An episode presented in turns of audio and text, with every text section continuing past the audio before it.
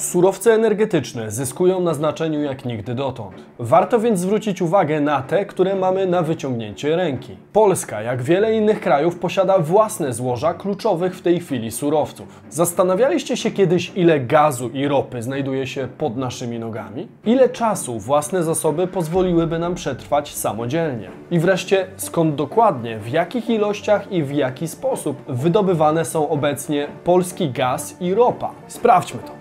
Bizon. Włączeni do świata biznesu i finansów. Cześć, tutaj Damian Olszewski i witam Was serdecznie w programie Praktycznie o Pieniądzach i analitycznej serii Bizon. To już trzeci odcinek pod kategorii tematycznej hashtag BEP, czyli o bezpieczeństwie energetycznym Polski. W poprzednich odcinkach mówiliśmy o Baltic Pipe i gazoporcie w Świnoujściu. Oba filmy osiągnęły razem ponad 600 tysięcy wyświetleń, więc jeśli jeszcze nie oglądaliście, to warto do nich powrócić, aby rozszerzyć pole widzenia. W przyszłym tygodniu opowiem Wam o tym, co wydarzyło się z polskim gazem łupkowym. Warto zatem kliknąć czerwony przycisk z subskrypcją, aby tego nie przegapić.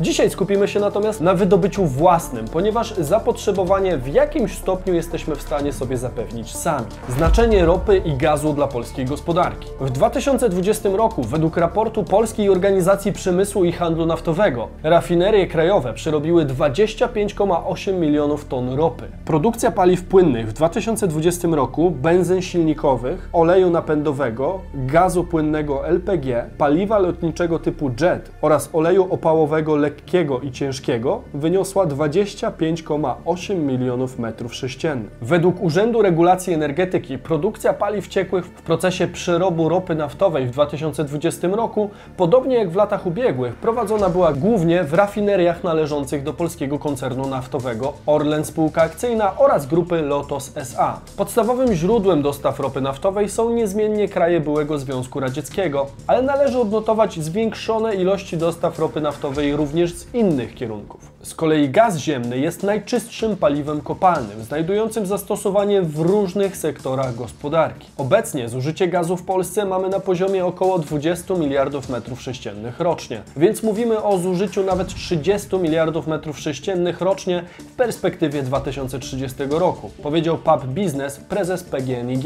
Stopień wykorzystania gazu różni się w zależności od kraju i regionu. Pytanie więc, który sektor w naszym kraju zużywa najwięcej gazu? W Polsce na masową skalę wykorzystuje się go na przykład w przemyśle chemicznym, gdzie jest niezbędny do produkcji tworzyw sztucznych oraz w zakładach azotowych do produkcji nawozów sztucznych. Przemysł w Polsce zużywa prawie 40% całkowitego zapotrzebowania na gaz. Ważnym konsumentem gazu są również odbiorcy indywidualni, którzy wykorzystują go do zasilania kuchenek gazowych oraz ogrzewania domów czy mieszkań. Faktycznie od 2002 roku Polska wykazuje stabilny trend wzrostowy w zużyciu ropy i gazu. Pozytywną dynamikę pokazują także statystyki Międzynarodowego Stowarzyszenia Energetycznego. A jak to wygląda w konkretnych regionach? Według informacji z GUS zużycie gazu ziemnego obniżyło się w stosunku stosunku do roku 2005 w województwie zachodniopomorskim o 8,9% i wielkopolskim o 1%. W pozostałych zanotowano wzrost, największy w województwie pomorskim aż o 218%, podlaskim o 141,5% i mazowieckim o 121,6%. Zatem co ważne, większość gazu zużywa przemysł, konsumenci detaliczni oraz sektor energetyczny. W pierwszym półroczu 2021 roku zużycie trzech głównych gatunków paliw płynnych w Polsce wzrosło o 7% rok do roku i wyniosło 15,56 milionów metrów sześciennych, podała Polska Organizacja Przemysłu i Handlu Naftowego. Ogółem zużycie sześciu rodzajów paliw zwiększyło się o 6% rok do roku i wyniosło 16,27 miliona metrów sześciennych. Głównymi odbiorcami w tym przypadku był transport i przemysł. Na większy popyt ma wpływ chociażby rosnąca liczba pojazdów na polskich drogach. Według W grudniu 2020 roku zostało zarejestrowanych 116 966 samochodów osobowych i 15 955 samochodów ciężarowych. Dla porównania w grudniu 2018 Polacy zarejestrowali 8308 osobówek mniej, czyli 108 658 sztuk. Drogi dopływu ropy i gazu do Polski. Górnictwo w Polsce. Według raportu PGNiG za 9 miesięcy 2021 roku grupa wydobyła w Polsce 938 tysięcy ton ropy i kondensatu oraz 3,59 miliarda metrów sześciennych gazu ziemnego, co odpowiada wstępnym prognozom monopolisty. Zgodnie z prognozami ropy mamy wydobyć w tym roku około 1,3 miliona ton, czyli około 5% rocznego zapotrzebowania kraju, które wynosi obecnie około 26 milionów ton. Z kolei wydobycie gazu ziemnego ze złóż w 2020 roku wyniosło 4,52 miliarda metrów sześciennych. Raport roczny spółka udostępnia zwykle w marcu, dlatego nie mamy jeszcze pełnych danych za 2021 rok. Według prognoz jednak powinniśmy zakończyć go na poziomie około 5 miliardów metrów sześciennych wydobycia. W tym 3,8 miliardów metrów sześciennych to nasze własne zasoby, a 1,2 miliarda to zasoby sprowadzone z terenów zagranicznych dzięki pozyskanym koncesjom na wydobycie. Koncesje z prawem do wydobycia to również ciekawa sprawa, ale o tym za moment. Prognozy na najbliższe lata przewidują także dalsze zwiększenie wydobycia gazu, które w 2023 roku ma osiągnąć poziom 5,3 miliarda metrów sześciennych. Co ważne, dzięki koncesjom gaz będziemy sprowadzać również z Norwegii i Pakistanu, a ropę i kondensat również z Norwegii. Zatem łatwo policzyć, że polskie wydobycie gazu w połączeniu z możliwościami, jakie dają nam koncesje, odpowiada mniej więcej za 25% dzisiejszego zapotrzebowania na niebieskie paliwo. Jak to wygląda na tle uniezależnienia się od rosyjskiego gazu? Obecnie zużywamy 20 miliardów metrów sześciennych.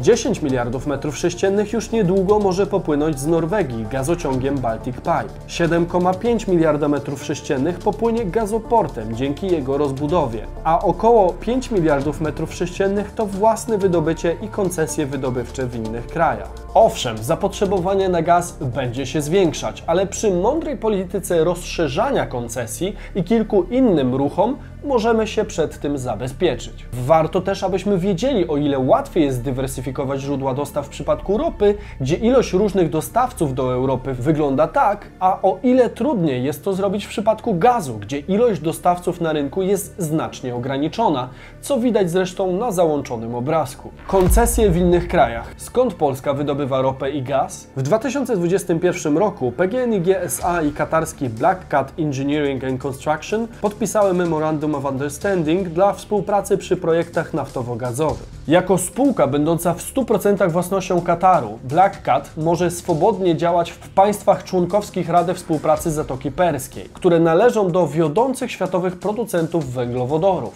W ubiegłym roku ich łączna produkcja wyniosła około 937 milionów ton ropy naftowej i 407 miliardów metrów sześciennych gazu ziemnego. Współpraca z katarską spółką otwiera więc Polsce dostęp do zagospodarowania złóż w Katarze i innych krajach Zatoki Perskiej. Na wydobywczej mapie podbojów naszego kraju znajduje się również wątek polsko-ukraiński. W 2021 roku PGNiG kupiło od spółki RU Management Services 85% udziału w spółce Karpat Gaz Wydobywania. Ukraińska spółka ma koncesję na poszukiwanie i wydobywanie węglowodorów w zachodniej części obwodu lwowskiego, bezpośrednio przy granicy z Polską. Był to logiczny wniosek negocjacji prowadzonych ze stroną ukraińską od roku 2019. Tak naprawdę dopiero po wykonaniu pierwszego odwiertu poszukiwawczego w drugiej połowie 2022 roku będziemy wiedzieć więcej i mieć obraz, jakie ilości gazu będzie można wydobywać, powiedział PAP prezes PGNiG Paweł Majewski w sierpniu 2021 roku. 19 maja 2021 PGNiG objęło także 25% udziału w bloku koncesyjnym Musahel w środkowej części Pakistanu.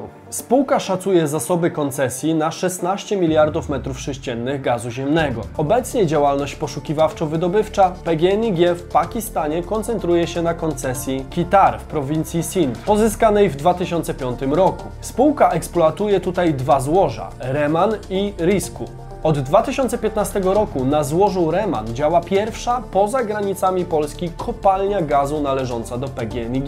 Udziałowcami bloku Kirtar są PGNiG w 70% i Pakistan Petroleum Ltd w 30%. W 2020 roku wydobycie gazu przez PGNiG w Pakistanie wyniosło prawie 300 milionów metrów sześciennych i było o ponad 50% większe niż w 2019 roku, kiedy sięgnęło ono 190 milionów metrów sześciennych. Na początku początku 2022 roku polskie górnictwo naftowe i gazownictwo uzyskało cztery nowe obszary koncesyjne do zagospodarowania na norweskim szelfie kontynentalnym. Tym samym liczba koncesji w Norwegii, w których udziały posiada grupa PGNiG, zwiększy się do 62. W 2021 roku wydobycie gazu w Norwegii przez PGNiG wyniesie 0,9 miliarda metrów sześciennych. Co również istotne, zgodnie z prognozą w 2027 roku własne wydobycie grupy kapitałowej PGNiG na norweskim szelfie kontynentalnym sięgnie około 4 miliardów metrów sześciennych w skali roku, a więc docelowo przewyższy dzisiejsze wydobycie krajowe.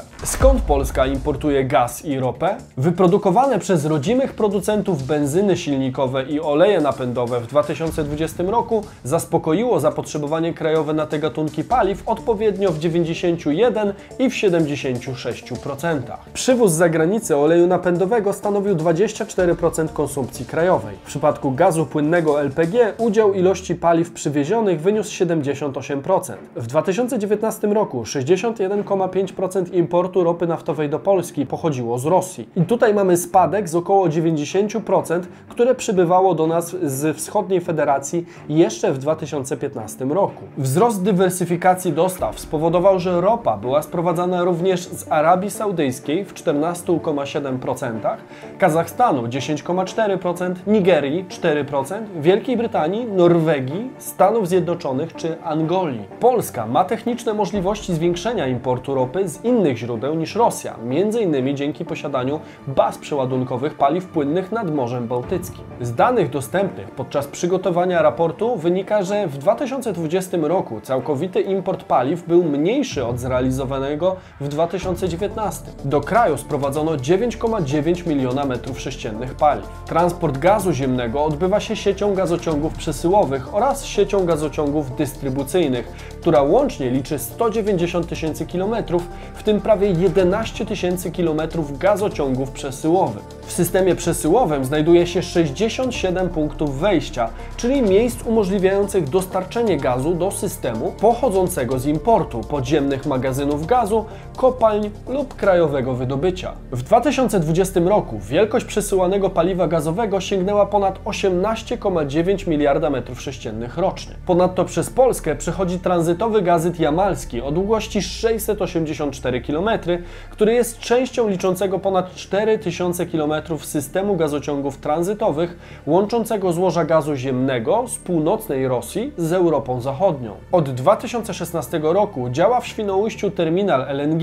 Technologia LNG polega na produkcji gazu ziemnego w stanie ciekłym ze stanu gazowego poprzez skraplanie w temperaturze poniżej minus 160 stopni Celsjusza. Dzięki skropleniu objętość surowca zostaje zmniejszona około 600 razy. LNG jest transportowany drogą morską przy użyciu specjalnych tankowców, tzw. metanowców, do terminali, gdzie surowiec poddawany jest procesowi regazyfikacji, czyli przywróceniu do postaci gazowej. Więcej na temat gazoportu i jego roli w kontekście dywersyfikacji dostaw gazu do Polski możecie zobaczyć tutaj. Pod koniec 2022 roku powinien również być gotowy gazociąg Baltic Pipe, ale o nim także nagrałem cały odcinek, także z szacunku do stałych widzów również możecie go zobaczyć tutaj. Ile mamy złóż ropy i gazu w Polsce i gdzie się one znajdują?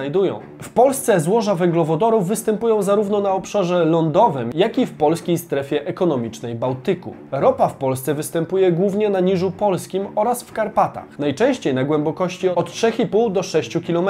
Głównym regionem występowania gazu w kraju jest Niż Polski. Gaz udokumentowano również na przedgórzu Karpat, a niewielkie jego zasoby występują także w małych złożach obszaru Karpat. Ropa naftowa i gaz ziemny występują w Polsce również w rejonie pobrzeża Bałtyku, jak i na obszarze ekonomicznej strefy Bałtyku należącej do Rzeczypospolitej. Pod dnem południowej części Morza Bałtyckiego konwencjonalne złoża węglowodorów zazwyczaj znajdują się w piaskowcach kambryjskich na głębokości od 1200 do 2300 metrów. Głębokość morza wynosi od 50 do 125 metrów. Prace związane z poszukiwaniem i rozpoznawaniem złóż węglowodorów na pobrzeżu Morza Bałtyckiego oraz w polskiej strefie ekonomicznej prowadzone są zarówno przez polskie spółki Lotos, PGNiG i Baltic Shale, jak również kanadyjską Central European Petroleum. Z wymienionych spółek PGNiG ma najwięcej koncesji, powyżej 200. Basen bałtycki jest uważany za najbardziej perspektywiczny z trzech basenów złożowych wyróżnianych w polskim pasie gazowym. Zasoby gazu ziemnego szacowane są na ilość od 15 miliardów metrów sześciennych do nawet 3 370 miliardów metrów sześciennych. Zasoby ropy naftowej natomiast wynoszą pomiędzy 100 miliardów ton a 333 miliardy ton. Obecnie w Polsce udokumentowanych jest 87 złóż ropy naftowej, z czego eksploatowanych jest 57 złóż. Największe znaczenie gospodarcze mają złoża ropy występujące na Niżu Polskim. W 2020 roku wydobywalne zasoby złóż na Niżu stanowiły blisko 67%, a zasoby złóż polskiej strefy ekonomicznej Bałtyku prawie 28% krajowych zasobów. Obecnie najbardziej wydajnym złożem ropy naftowej jest Lubiatów na Niżu Polskim, z którego w 2020 roku pochodziło ponad 33% całkowitego wydobycia tego surowca. Cechą charakterystyczną złóż gazu ziemnego położonych na terenie Polski jest ich duża ilość przy równoczesnej niedużej zasobności. Na koniec 2019 roku istniało 305 złóż gazu ziemnego, które występują podobnie jak ropa głównie na Niżu Polskim, gdzie znajduje się ponad 72% jego wydobywanych zasobów. Złoża gazu udokumentowano również na przedgórzu Karpat, a niewielkie zasoby występują także w małych złożach obszaru Karpat oraz w polskiej strefie ekonomicznej Bałtyku. Z informacji podanych przez Polską Służbę Geologiczną wynika, że przy dzisiejszym poziomie konsumpcji i rosnącym trendzie ropy i gazu z własnych zasobów w Polsce wystarczyłoby jedynie na około 10-15 lat. Jaka więc jest przyszłość polskiej energetyki? Zatem kluczowe dla bezpieczeństwa energetyki Polski jest odpowiednie dawkowanie zasobów, które dało nam do dyspozycji terytorium naszego kraju. Przy takim stanie rzeczy w kolejnych krokach najlepiej byłoby skupić się na rozwoju energetyki jądrowej, wodoru, gazyfikacji węgla i pozyskania nowych, sensownych koncesji na wydobycie gazu i ropy w krajach, które mają złoża setki razy większe niż Polska. Każdy z powyższych sposobów niesie za sobą wiele innych problematyk, które z chęcią pokażę Wam w kolejnych odcinkach. W przyszłym tygodniu powrócimy choćby do wielkiej nadziei polskiej energetyki sprzed dekady, czyli gazu łupkowego. Nie przegapicie tego dzięki subskrypcji kanału tutaj. Prawdziwych bizonów, którzy rozwijają się wraz z naszym kanałem, tradycyjnie proszę o hashtag bizon w komentarzu, jeżeli podobał Wam się ten film. Tymczasem do zobaczenia w kolejnych odcinkach w sobotę i niedzielę o 15 oraz w środę o 17. Cześć!